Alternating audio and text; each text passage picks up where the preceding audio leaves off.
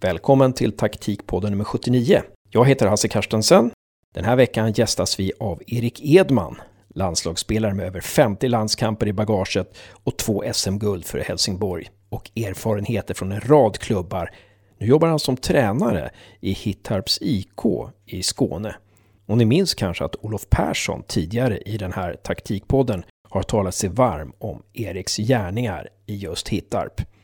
Erik har funderingar på hur landslaget skulle kunna spela mer offensivt och han avslöjar vad han skulle säga till en spelare i Hittarps IK om den spelaren plötsligt får för sig att skjuta ett distansskott från 35-40 meter. Trevlig lyssning!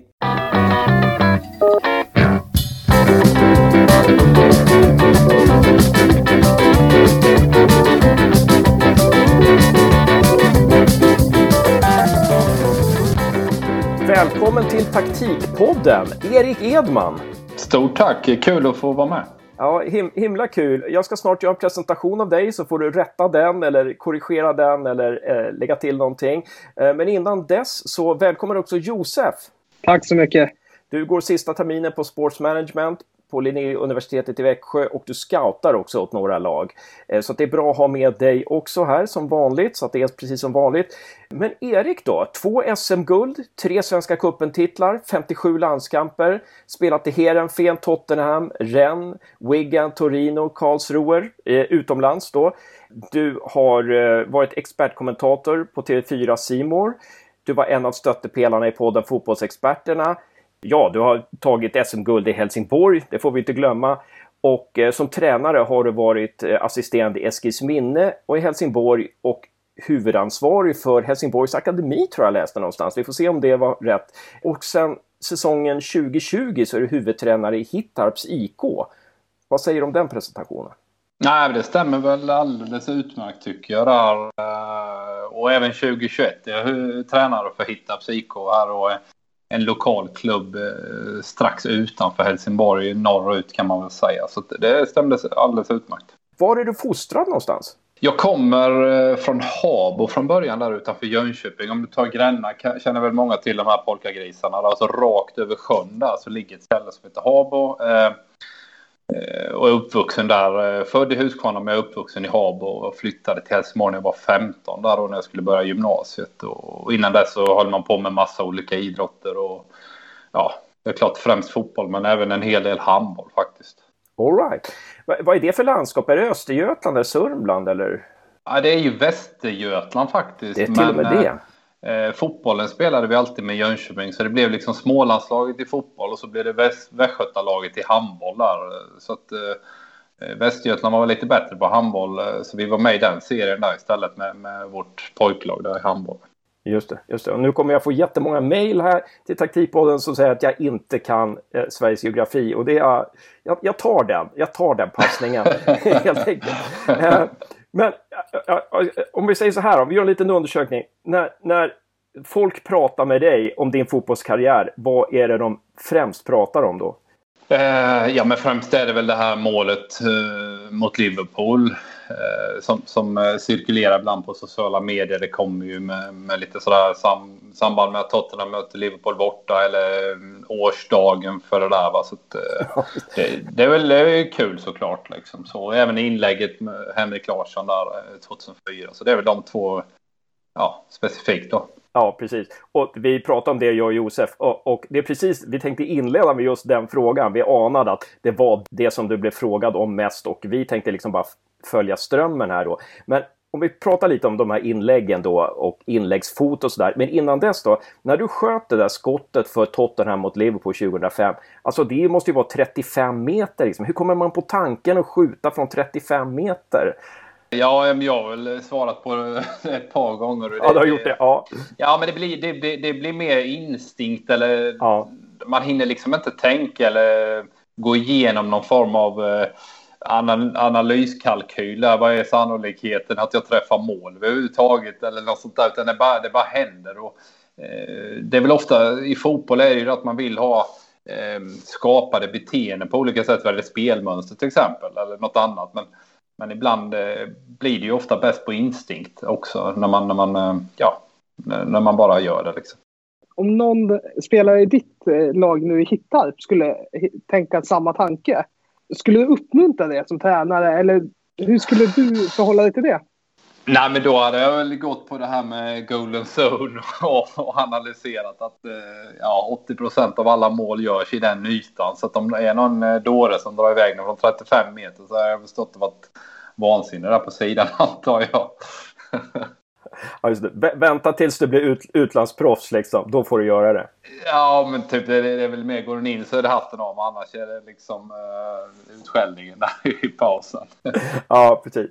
Nej, men, men alltså det här med, alltså det som jag minns från din karriär är att du hade så otroligt fin inläggsfot och passningsfot. Alltså, jag menar, du nämnde näm inlägget till Henrik Larsson eh, som blev utsett till EMs snyggaste mål faktiskt av Uefa eh, 2004 där och ditt mål från Tottenham mot Liverpool blev utsett till Premier Leagues snyggaste mål det, det året.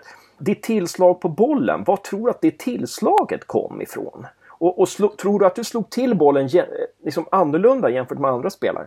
Det tror jag väl inte, utan det, det är väl liksom, det finns ju ingen eh, liksom dunderhonung eller hemligt recept på, på, på, på det, utan det är ju bara att träna. Sen så vet jag inte om jag hade något exceptionellt tillslag så, men eh, det jag kan säga är ju att jag har ju tränat enormt mycket på egen hand genom åren, liksom på olika sätt. Eh, så att, så att det är klart att man blir ju bättre på någonting man gör ofta. Så enkelt är det ju liksom. Och, och jag gjorde det extremt ofta i de ungdomsåren hemma i Hab och även en bit upp i, i eh, eh, under, under tiden i Helsingborg i början där liksom. Man, man tränade extra och sköt inlägg och skott och sånt där. Och man stod med en säck bollar och, och höll på liksom. Så att, eh, sen, sen vad det gäller inläggs, eller inläggsteknik eller skottteknik så tror jag mer att jag, jag är mer på den banan att man eh, varje person är individuell och olika tekniker passar för olika eh, personer. Så det, det, är väl min bild av det liksom vad det gäller tillslagsbiten. Mm. När vi pratade med Eja Fjodorov här i Taktikpodden, eh, tillslagstränare, så sa hon att de flesta missuppfattar det här med att skjuta och slå inlägg. Att de, de går på kraft. Jag ska skjuta så hårt som möjligt. Och, och det liksom hämmar själva tekniken. Vad säger du om det? Ja, men det, det tror jag säkert stämmer en hel del. Min, min son var med på någon kurs hon hade här. Hon var faktiskt ute i Hittarp och bara körde två, tre träningar för mig. Och han tyckte det var jättebra faktiskt. Eh, eh, hennes genomgång och hennes eh, träningar. Sen, sen, har jag inget... Alltså för mig är det individuellt liksom. Man, man måste hitta sin grej, sin... Om du tar Steph Curry i basket eller Tony Parker. Att, att, att eh, man måste hitta en skottteknik som funkar för, för dig liksom. Och, och den personen och den kroppen du har. Eh, mer än att man kör copy-paste på Zlatans tillslag och så här liksom. Eh, eller Ronaldo så är ju ofta någonting man tar upp just den här bobblande bollbanan. Så att, det kan säkert funka för vissa men för, för andra stämmer det inte alls. Utan för mig är det det, det, måste kännas rätt och det måste bli bra. Och någonstans så, så har alla sin egen väg att vandra vad det gäller tillslag och, och, och, komma fram till vad som är rätt. För spelaren handlar det mer om feeling. Man kanske, man kanske inte analyserat så mycket hur man gör, utan man bara gör det på något vis. Som en golfare med en sving till exempel. Att man bara hittar svingen. Så här. Ja, jag skulle vilja säga det, men, men jag blir gärna motbevisad också om, om det finns något uh, någon enskild väg. Men det är ju sällan så i fotboll att bara det, det är en, en väg som är den rätta så att säga. Utan sen, sen är jag mer inne på rörelsemönster eller timing till boll och sånt som ja, vid avslutningslägen för kanske för en forward som, som man kan ha mer tydligt uppstyrt än just bara avsluts eller tekniken vid tillslag. Kan du lära ut det? Alltså eh, ser du när du coachar hittar Siko, ser du då liksom att ja, den här spelaren skulle kunna skjuta mycket bättre om den gjorde så eller inlägget skulle mycket bli effektivare om han eller hon gjorde så?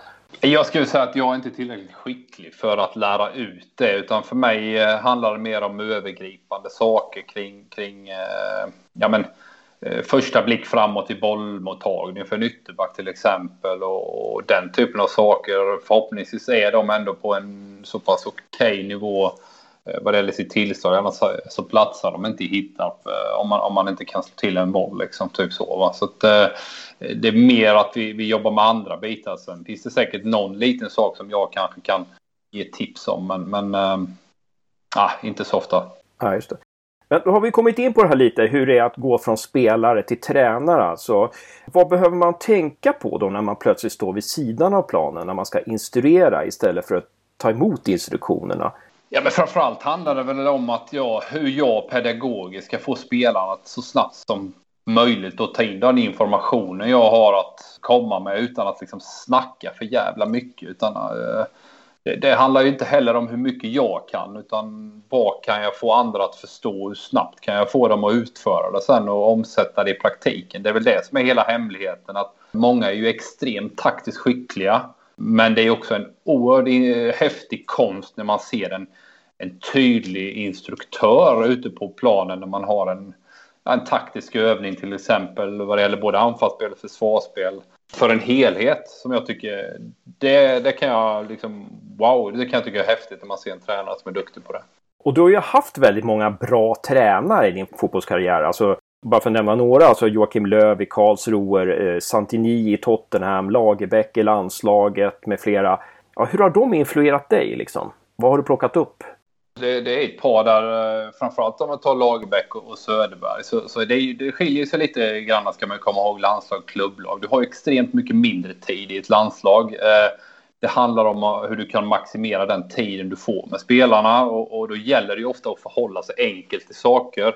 Repetera när man ses igen, så ibland kan det ju, kunde man ju uppfatta att det var extremt monotont och tråkigt och samma saker som Lagerbäck och, och Tommy och, och Roland körde. Men det handlade om att fräscha upp det man gjorde förra gången för att, för att förhålla sig till. Och då blir det, jag, jag tror att ett, ett landslag som Sverige idag med den, den klubbstrukturen som finns så tror jag det tenderar att bli väldigt mycket fokus på försvarsspel, vilket är ganska ja, jag, förmodligen det enklaste att implementera snarare än en bra och, och kreativ och dynamisk offensiv. Så, va? Eh, för att få till en offensiv eh, som är liksom eh, ja, det hela laget är involverat så tror jag det krävs att ha de här tydliga klubblocken som det kanske var på 80 och 90-talet i Sverige. Där hade vi MFF-fostrade spelare, vad är det, Blåvitt-fostrade spelare. Om du tar Eh, Spanien till exempel när de hade sin storhetsperiod 8, 10 12 och vann guld där både EM och VM så var det ju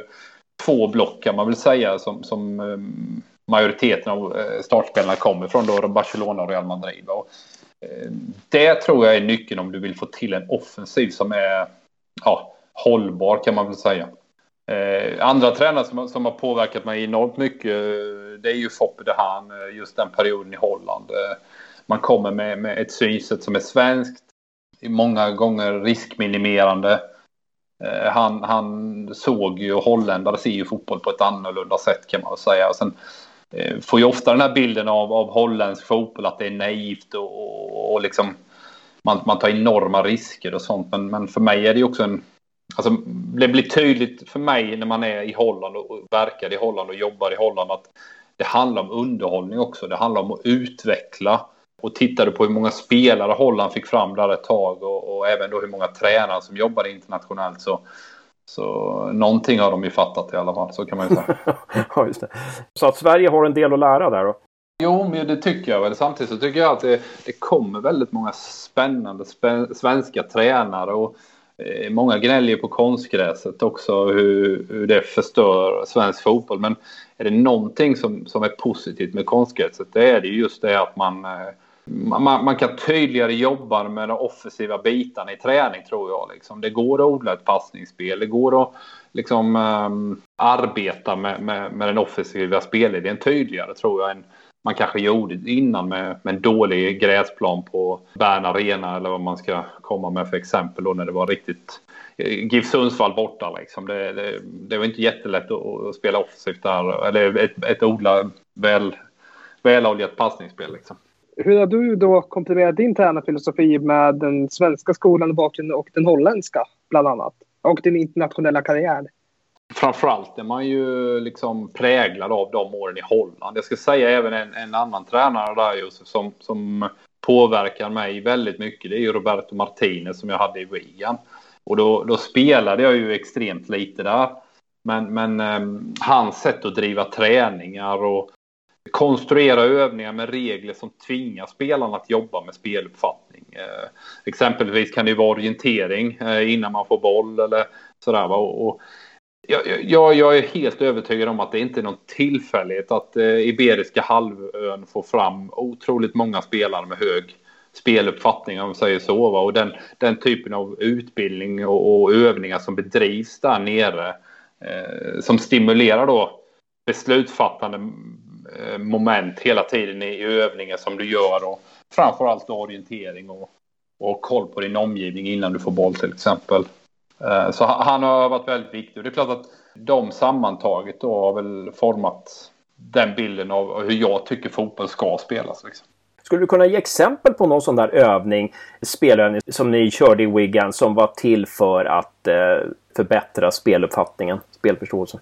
Säg så här, det, det kan vara, en, bara för att göra det extremt enkelt, så kan det vara en, en spelövning fem mot fem då, um, där du måste involvera en viss spelare i ditt lag innan du får göra mål till exempel. Va? Så då måste du på något sätt planera ditt spel. Att han måste ha, ha nuddat bollen på ett eller annat sätt innan du får göra mål. Det, det, kan vara en enkel grej till exempel. Är det något du själv har tagit med till Hittarp och kört liknande övningar? Ja, framförallt så, så vill jag ju ha övningar där vi har Alltså att, att jogga runt eller isolerade övningar gör vi extremt sällan. Eh, utan vi går från egentligen noll till spelmoment direkt. Liksom. Och sen är det ju, som jag brukar säga till spelarna, att man måste, alltså 100% fokus men inte 100% eh, arbete vad det gäller liksom intensitet och sånt. Utan där måste du gradvis stegra det. Men, men att hela tiden utsätta dem för, för beslutsfattande moment med motståndare, det, det tror jag utvecklar ja, har du en ryggsäck med, med 10 000 aktioner eh, så, så, tenderar du att ta bättre beslut än om du har kört för mycket isolerade moment. Eh, du bara springer från kona A till kona B. Liksom. Det kan man väl säga. Sen, sen har man ju blivit inspirerad av det här med spel på tredje. Som, det finns ju många exempel, Bodø till exempel, som, som, som gör det extremt bra i en skandinavisk kontext. Liksom ja, Norrköping gillar jag också hur de har spelat i år. Sen har de inte lyckats riktigt i år, men jag tycker de har spelat en jädra bra fotboll och, och eh, upp tillbaka igenom och de här sakerna som, som är väldigt tydliga i deras spel. Det är jätteintressant. Om, om vi går tillbaka lite till Heerenveen där. För det kändes ju som att det var en aha-upplevelse när du kom dit. Att, att det var liksom positiv fotboll och att jag tolkar det som att man skulle våga inte tänka så mycket på dra in svångremmen liksom. Inte tänka så mycket bakåt utan våga sådär. Tolkar jag det rätt där? Absolut. Va? Det, det, handlar om att alltså, styra ditt eget öde kan man väl säga om, om, om man eh, vill ta det så långt att, att liksom vi, vi väntar inte på vad någon annan gör eller eh, hoppas att någon halkar och vi kan dra in en boll bakom backlinjen för, liksom, och, och ligga på rätt sida bara. Utan det handlar om att vi ska liksom skapa möjligheter. Vi ska ha bollen, vi ska kontrollera och därifrån då dels utveckla spelarna, dels utveckla hela lagets spel och, och framförallt göra, göra ett mål mer än motståndaren. Inte göra ett, eller släppa in ett mindre liksom om man nu ska vara eh, krass. För, att, för, att de, för dem var det liksom en underhållningsprodukt eh, också. Att, att man, ska, man ska sälja någonting som är jävligt kul. Man ska komma till Abel stadion som den heter och, och liksom tycka att fan, ikväll ska det bli kul alltså. Det, det ska hända något roligt. Eh, vi, vi, ska, jag går och tittar på mitt lag för att det, vi vill ja, skapa saker, vi vill framåt, vi vill göra mål, vi vill vara kreativa. Mm. Idag så säger ju de flesta tränarna i Sverige säger att vi ska kontrollera matchen, vi ska, vi, vi ska ha ett eh, passningsspel, det är väl kanske Falkenberg i senaste säsongen som inte liksom gick ut med det, men annars så hör jag nästan alla lag säga Helsingborg också. Vi ska kontrollera matchen med kontrollera passningsspel. Vi ska... Det låter ju lite som att man har anammat det här holländska tänket, eller har jag fel? Nej, jag tror du har helt rätt. Och, och som du säger, det, det, där säger ju, har du en upptaktsträff med Alex, Alexander Axén och hans två intervjuer så säger ju liksom eh, 14 och 16 tränare säger ju exakt det här. Va? Och det är ju klart, det, det är grundintentionen. Sen gäller det ju att du, hur, hur kontrollerar du? För det är också liksom det här att, att Ibland blir man ju trött på, på tv-sändningar där det står bollinnehav, liksom possession. Eh, Eh, City har 76 mot, mot Burnleys ja, 14 eller vad det blir liksom då. Och, och, det säger ju inte så jävla mycket. Det som man hade velat att man kunde ta fram, fram då, det går ju säkert. Alltså hur många gånger är vi i spelyta eh, två till exempel, eh, rättvända med boll och hur ofta har vi bollen i de här attraktiva ytorna? Det är ju det som ju någonstans trasar sönder ett, Eh, ett lag i 90 minuter. Inte att rulla eh, den i backlinjen fyra gånger och sen dra en långboll. Liksom. Det, det, kommer ju inte hända ett skit förmodligen då och det är väldigt lättläst också.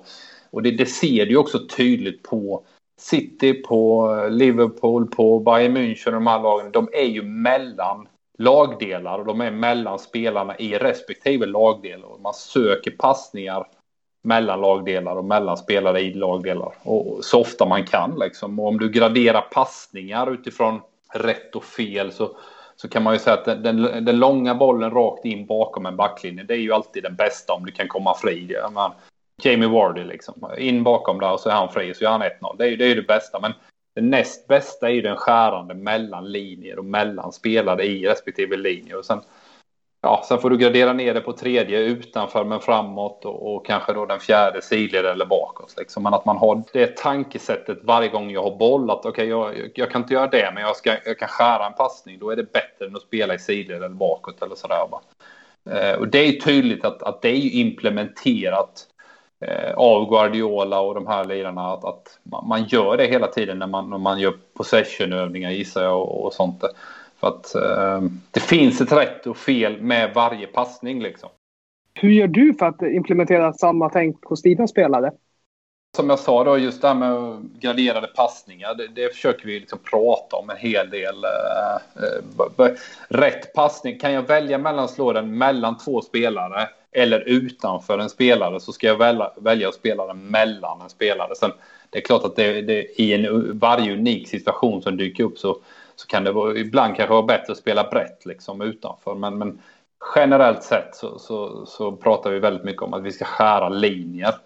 Eh, och det är väl en utvecklingspotential eh, eller möjlighet som vi har där vi inte kanske riktigt lyckades hela vägen förra året. Men att vi söker spel mellan linjer tydligare och vågar det också. Spela framåt. Varje gång vi kan spela framåt ska vi spela framåt. Det, det känns ju att vi, vi förstår vad, vad, du vill med din fotboll sådär. Men är det någonting när, som, när du tittar på svensk fotboll idag något sätt du inte vill spela på. Det, det, här sättet skulle jag inte vilja implementera i mitt lag. Liksom. Jag vet att de här andra lagen gör det, men jag skulle inte vilja ha det i mitt lag. Alltså det, det, det är kanske är enklare att ta eh, konkreta exempel på, på lag som jag tycker spelar en bra fotboll. Och då är, kan man ibland ha en säsong som är bra. Men jag, jag känner ju att Stefan Billborn och, och eh, har, har, har, gjort ett bra jobb med Hammarby till exempel. Nu, nu hade de en svag säsong eh, i den gångna. Men jag tycker att han, de spelar en väldigt intressant fotboll. Eh, som jag sa, Norrköping har jag tagit många exempel på hur de vill bedriva sitt passningsspel. Ibland kan jag känna, jag visst det kanske är någon, någon risk för mycket i speluppbyggnad. Men samtidigt har du den målvakten så kanske han också behöver, behöver man använda hans kvalitet på ett visst sätt. Och, och jag tror nog ändå att eh, hade man kunnat behålla den truppen som de hade i fjol så tror jag nog att de definitivt har kunnat vara med och utmana eh, i år. Va? Men så, så är ju verkligheten en annan i Sverige där man det är ju en hel del rundgång på spelare och, och eh, folk vill vill tjäna mer pengar, de vill utomlands liksom. Malmö då, vad säger du om dem? Som, som egentligen har de, borde ha de bästa spelarna och som vinner SM-guldet. Vad säger du om deras sätt att spela? Du har, du har nämnt, nämnt Norrköping och Hammarby bland annat. Liksom, men, men Malmö då som vinner SM-guld. Är det någonting som saknas där när det gäller anfallsspelet och spela genom linjer och så som du ser? Jag ska vara ärlig och säga att jag inte sett MFF extremt mycket i år. jag såg dem en hel del förra året eh, då när jag jobbade med allsvenskan på Simon så att säga. Då, då tyckte jag, jag menar, Ove Rössle fick en hel del kritik för att det inte var eh, trevlig fotboll och sådär, men jag håller inte riktigt med för att hemmamatcherna nere på stadion då tyckte jag ofta Malmö spelade fantastiskt bra anfallsfotboll och Eh, väldigt modigt spel också. De yttre mittbackarna då vågade kliva med i anfallsspel och jag tyckte det fanns väldigt mycket kul grejer som jag attraheras av när jag sitter och tittar på fotboll där så tyckte jag de spelar. Jon Dahl har ju gjort ett bra jobb och, och tagit en hel del obekväma beslut för eh, för MFF som förmodligen över tid är helt rätt. Men det är klart att eh, jag menar Rasmus Bengtsson till exempel var självskriven. Berang Safari har inte fått spela så mycket och de har, har knorrat lite där. Va? Men spelmässigt har jag faktiskt inte sett dem tillräckligt för att få komma med någon riktig konklusion där vad, vad jag tycker. Nej, och det, det, är väl så här att man hela tiden tänker att Malmö har så mycket bättre spelare, alltså borde de spela superfotboll. Men det, det är ju inte alltid det är så enkelt. Och John Wall, vår medarbetare här i Taktikpodden, han, han har ju faktiskt lyft fram att han, han gillar Tomassons sätt att tänka fotboll. Så att det, det finns nog någonting där att bygga på, helt klart alltså. Men om vi kommer in lite på det här, alltså expertkommentator. Jag tror att jag skrev en, en tweet när jag hade hört dig som expertkommentator första gången att jag tyckte du var så jäkla bra alltså. Vad behövde du lära dig eller tänka på när du gick då från att spela och träna till att plötsligt liksom tala fotboll inför en större publik? Eh, ja, först och främst tack så mycket. Det blir jag glad av att höra. Jag, jag, tror jag behöver lära mig fortfarande väldigt mycket. Där. Framförallt behöver man ju förstå vem man pratar till. Liksom. Alltså jag, jag vill ju gärna snacka taktiska saker som jag upplever under en match och, och, och, och försöka vara så ärlig med, med, med det jag ser. Även vara kritisk till både spelare och spelsätt. Eh, och det kan jag ibland sakna lite grann när man ser Dplay. Eh, faktiskt. Jag tycker många där är skitduktiga men jag skulle ibland vilja ha lite eh, tydligare kritik också när det, när det går lite sämre där. Eh, men just det att förstå vem man pratar till och det, det tror jag jag behöver lära mig mycket mer att, att eh, tar du en landskamp till exempel ett EM-slutspel, nu har inte jag jobbat med det så mycket men där är ju mer den breda eh, basen av, av eh, liksom Birgitta 85 sitter ju hemma och kollar på, på A-landslaget när det är EM. Liksom. Men, men, hon kanske inte gnuggar Mjällby mot Örebro där liksom så ofta. ja, det är ju dåligt alltså. Eh, ja, men jag förstår vad du menar. Men, men, det var intressant att du sa det här med kritik. Alltså du skulle vilja ha lite mer kritik så här, när du tittar på allsvenskan kanske. Eller, eller du kanske tänker när du, när du tänker Champions League också kanske. Men att du vill, när det går dåligt, när ett lag inte lyckas, att du vill ha lite mer liksom kritik mot det laget eller att man beskriver vad det är som gör att det inte funkar? Eller? Ja, att man vågar säga vad man tycker. Liksom. Eh, det kan jag tycka hade varit eh, berikande. Ja, eller lite mer Niklas Wikegård-attityd i fotboll? Absolut, absolut. Eh, nu, nu kollar jag inte hockey så mycket, men, men han säger väl vad han tycker och det tror jag blir... Du får en slutprodukt på en sändning som är mer intressant också. Eh, sen har ju hockeyn ibland en retorik som jag tycker är ja, ibland blir den ju hämtad från apuren på Kolmården. Ibland så där man känner att eh, fan är det här för nivå? Vi behöver åka mer skridskor. Men har ni inte gjort det hela första perioden liksom så. Nej, precis, precis. Um, och sen, du var ju med Fotbollsexperterna också. Den nu, jag vet inte om den är avsomnad eller bara är, satt på paus då. Kanske för att Simon har tappat eh, rättigheterna. Men, men där kommer jag ihåg att du ofta var negativ till lag som använde sig av långa inkast där. Vill du, vill du förklara lite bakgrunden till ditt agg där? ja, men framförallt är det ju för mig ur ett underhållningsperspektiv som jag tycker att fan, ska det behöva ta 30 till 45 sekunder? Jag har själv suttit och klockat detta. Få torka av en boll och sen då flytta upp mittbackar och hålla på för att få igång spelet. Och det irriterar mig varje gång jag sitter och tittar på det. Sen har jag full respekt och full förståelse att, att lag som är skickliga på det, ser det som en anfallsmetod. Så det är egentligen inte... Så länge, så länge det är inom regelboken så, så klart att man eh, vill använda sig av de vapen man har liksom, i arsenalen. Det, det är inget konstigt i det egentligen. Men, men för mig så, så tycker jag att nej, det är skittråkigt att titta på. Så det är mest ur det. Precis som att målvakten inte får ta upp bollen med händerna längre eh, på bakåtpass så tycker jag att det här är en regel som vi behöver ändra för att liksom spetsa till det ännu mer och göra det ännu mer attraktivt att titta på fotboll. Och, ja, jag har ju föreslagit eh, klassiska skottklockan där som man har i basket. Man måste igång med spelet efter, jag vet inte, 5-10 sekunder eller vad det kan vara då. Annars går inkastet över tycker jag då. Det, det, det hade väl varit eh, en sak för, för ehm, ja, jag gissar att det är Fifa som ändrar reglerna så eh, då får väl de ta upp det på sitt bord först och främst. Då får i så fall lagen hålla sig med några som är avtorkare helt enkelt. Som springer på, på båda sidor om planen eh, och eh, liksom står med en handduk där och är lite beredd att torka av den och, och ge en torr boll till den som ska kasta härnäst på något vis. Eller något sånt där. Ja, precis. Jag, jag satt på bänken en gång för att jag har bra story där om Stoke hade ju en långkastare som hette Rory DeLapp om ni kommer ihåg honom. Just det.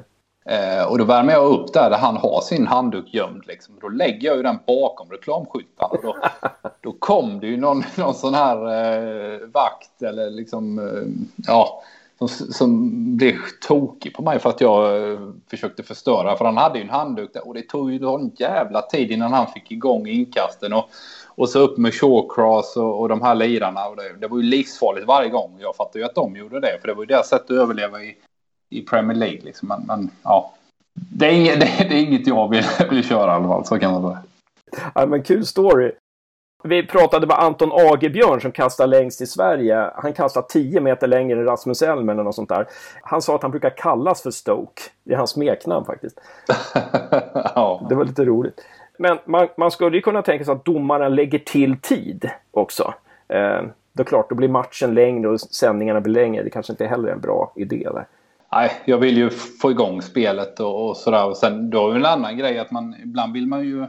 Vissa tränare vill göra allt, va? men, men eh, fokuserar du på, på det så tror jag att eh, eh alltså din offensiva spelidé tror jag är urholkat också om du ska ha ständiga avbrott. Om du har en spelidé där du vill få snabba igångsättningar i, i det öppna spelet så får du då ett inkast liksom. Nej, nu ska vi helt plötsligt ta lång tid. Va? Det, jag, jag, förstår att, att en del inte alls håller med mig här, men, men jag, jag är ju negativ. Och ibland vill du vara bra på allting så tenderar du att bli halvdan på, på, på det mesta annars. Liksom. Så vad det gäller eh, spelidé, offensiv spelidé tror jag det är urholkat många gånger. Ja. Men vad är skillnaden egentligen mellan ett långt inkast och en frispark utifrån? Eh, där eh, lag ska rusa in mot eh, straffpunkten ish? Egentligen ingenting. Eh, alltså om man tittar hittar till exempel eller så som jag vill ha det så vill jag ha igång frispark ytterzon. Så länge inte det är så att säga i höjd med straffområdeslinjen så vill jag ha igång mina frisparkar som vi har ute på planen. Om du tar Tom Prahl förr i tiden där med Halmstad och eh, Micke Svensson och Petter Hansson och Torbjörn Arvidsson och eh, Peter Fogt och sådana här lirare så, så hade de ju, körde de ju frispark ytterzon eh, liksom på egen planhalva liksom så va. Och, och, det är ju samma, egentligen samma sak där. Jag tycker inte om det. Sen är det kanske, alltså det, det är väl också där, du behöver liksom ha någon form av tidsgräns för hur lång tid får vi, får vi på oss för att sätta igång spelet igen. Det är dit här jag vill komma med diskussionen. Så, så länge det är tillåtet så kommer ju alla som har den typen av vapen använda sig av dem. Mm. Det är ett bra tillfälle att om man vill maska också att eh, köra mycket med inkast och sådär. Eh, eh, så att det tar ju tid alltså. Jag tror vi är framme vid sista frågan Josef. Den gamla vanliga vi brukar köra. Om det fanns en tidsmaskin och du kunde gå tillbaka 20 år i tiden. Vad skulle du ta med dig för kunskap som du har nu men som du inte hade då? Oj, eh, nej men det finns ju säkert jättemånga beslut man har fattat eh, som har varit eh, fel eh, med facit i hand. Skulle jag åkt till Torino till exempel som, som 20-åring. Serie A på den tiden var ju vad Premier League är idag kan man väl säga. Förmodligen inte. Jag skulle stannat i HF två år till. Uh, försökte utveckla mig där, gå igenom ja, någon form av mognadsprocess hemma istället för att åka ut. Samtidigt hade man kanske inte då kommit till Hene för en två år senare. Eh, så så, så, att vissa dåliga saker leder till bra saker. Så det är jättesvårt. Men tittar man träningsmässigt då, om man tittar den individuella träningen så körde jag en hel del eh, distanslöpning. Med facit i hand kanske man tidigare skulle kört intervaller som är mer eh, fotbollsspecifik kondition kanske. Eh, snarare än att ge sig, slänga på löpardojorna och dra iväg 7-8 kilometer. Eh, eh, när gör man det i en fotbollsmatch? Det kanske man eh, istället skulle spela tennis där du har snabba korta löpningar som hade triggat ja, jag vet inte, lite, lite snabbare muskelfibrer. Jag hade haft nytta kanske av det som ytterback. Att vara lite, lite snabbare, kanske ha en förmåga att ta fler maxintensiva löp om jag hade tränat eh, intervaller istället för distanslöpning. Det kan vara en sån, sån grej kanske. Mm. Intressant svar. Tack så väldigt mycket Erik Edman för att du ställde upp i Taktikpodden. Väldigt roligt att ha med dig. Ja, tack själva. Jättekul att, att snacka fotboll. Lycka till nu med Hittarp och eh, lycka till med Simor och eh, så återkommer vi till dig när den här långa inkastdiskussionen har blivit en nationell angelägenhet och man börjar diskutera regelverk och sådär. Då ringer jag dig direkt. Det är du välkommen att göra. Jag, jag kommer stå längst upp på barrikaderna. Bra jobbat Josef! Tack så mycket alltså och tack Erik för att du deltog. Tack själva.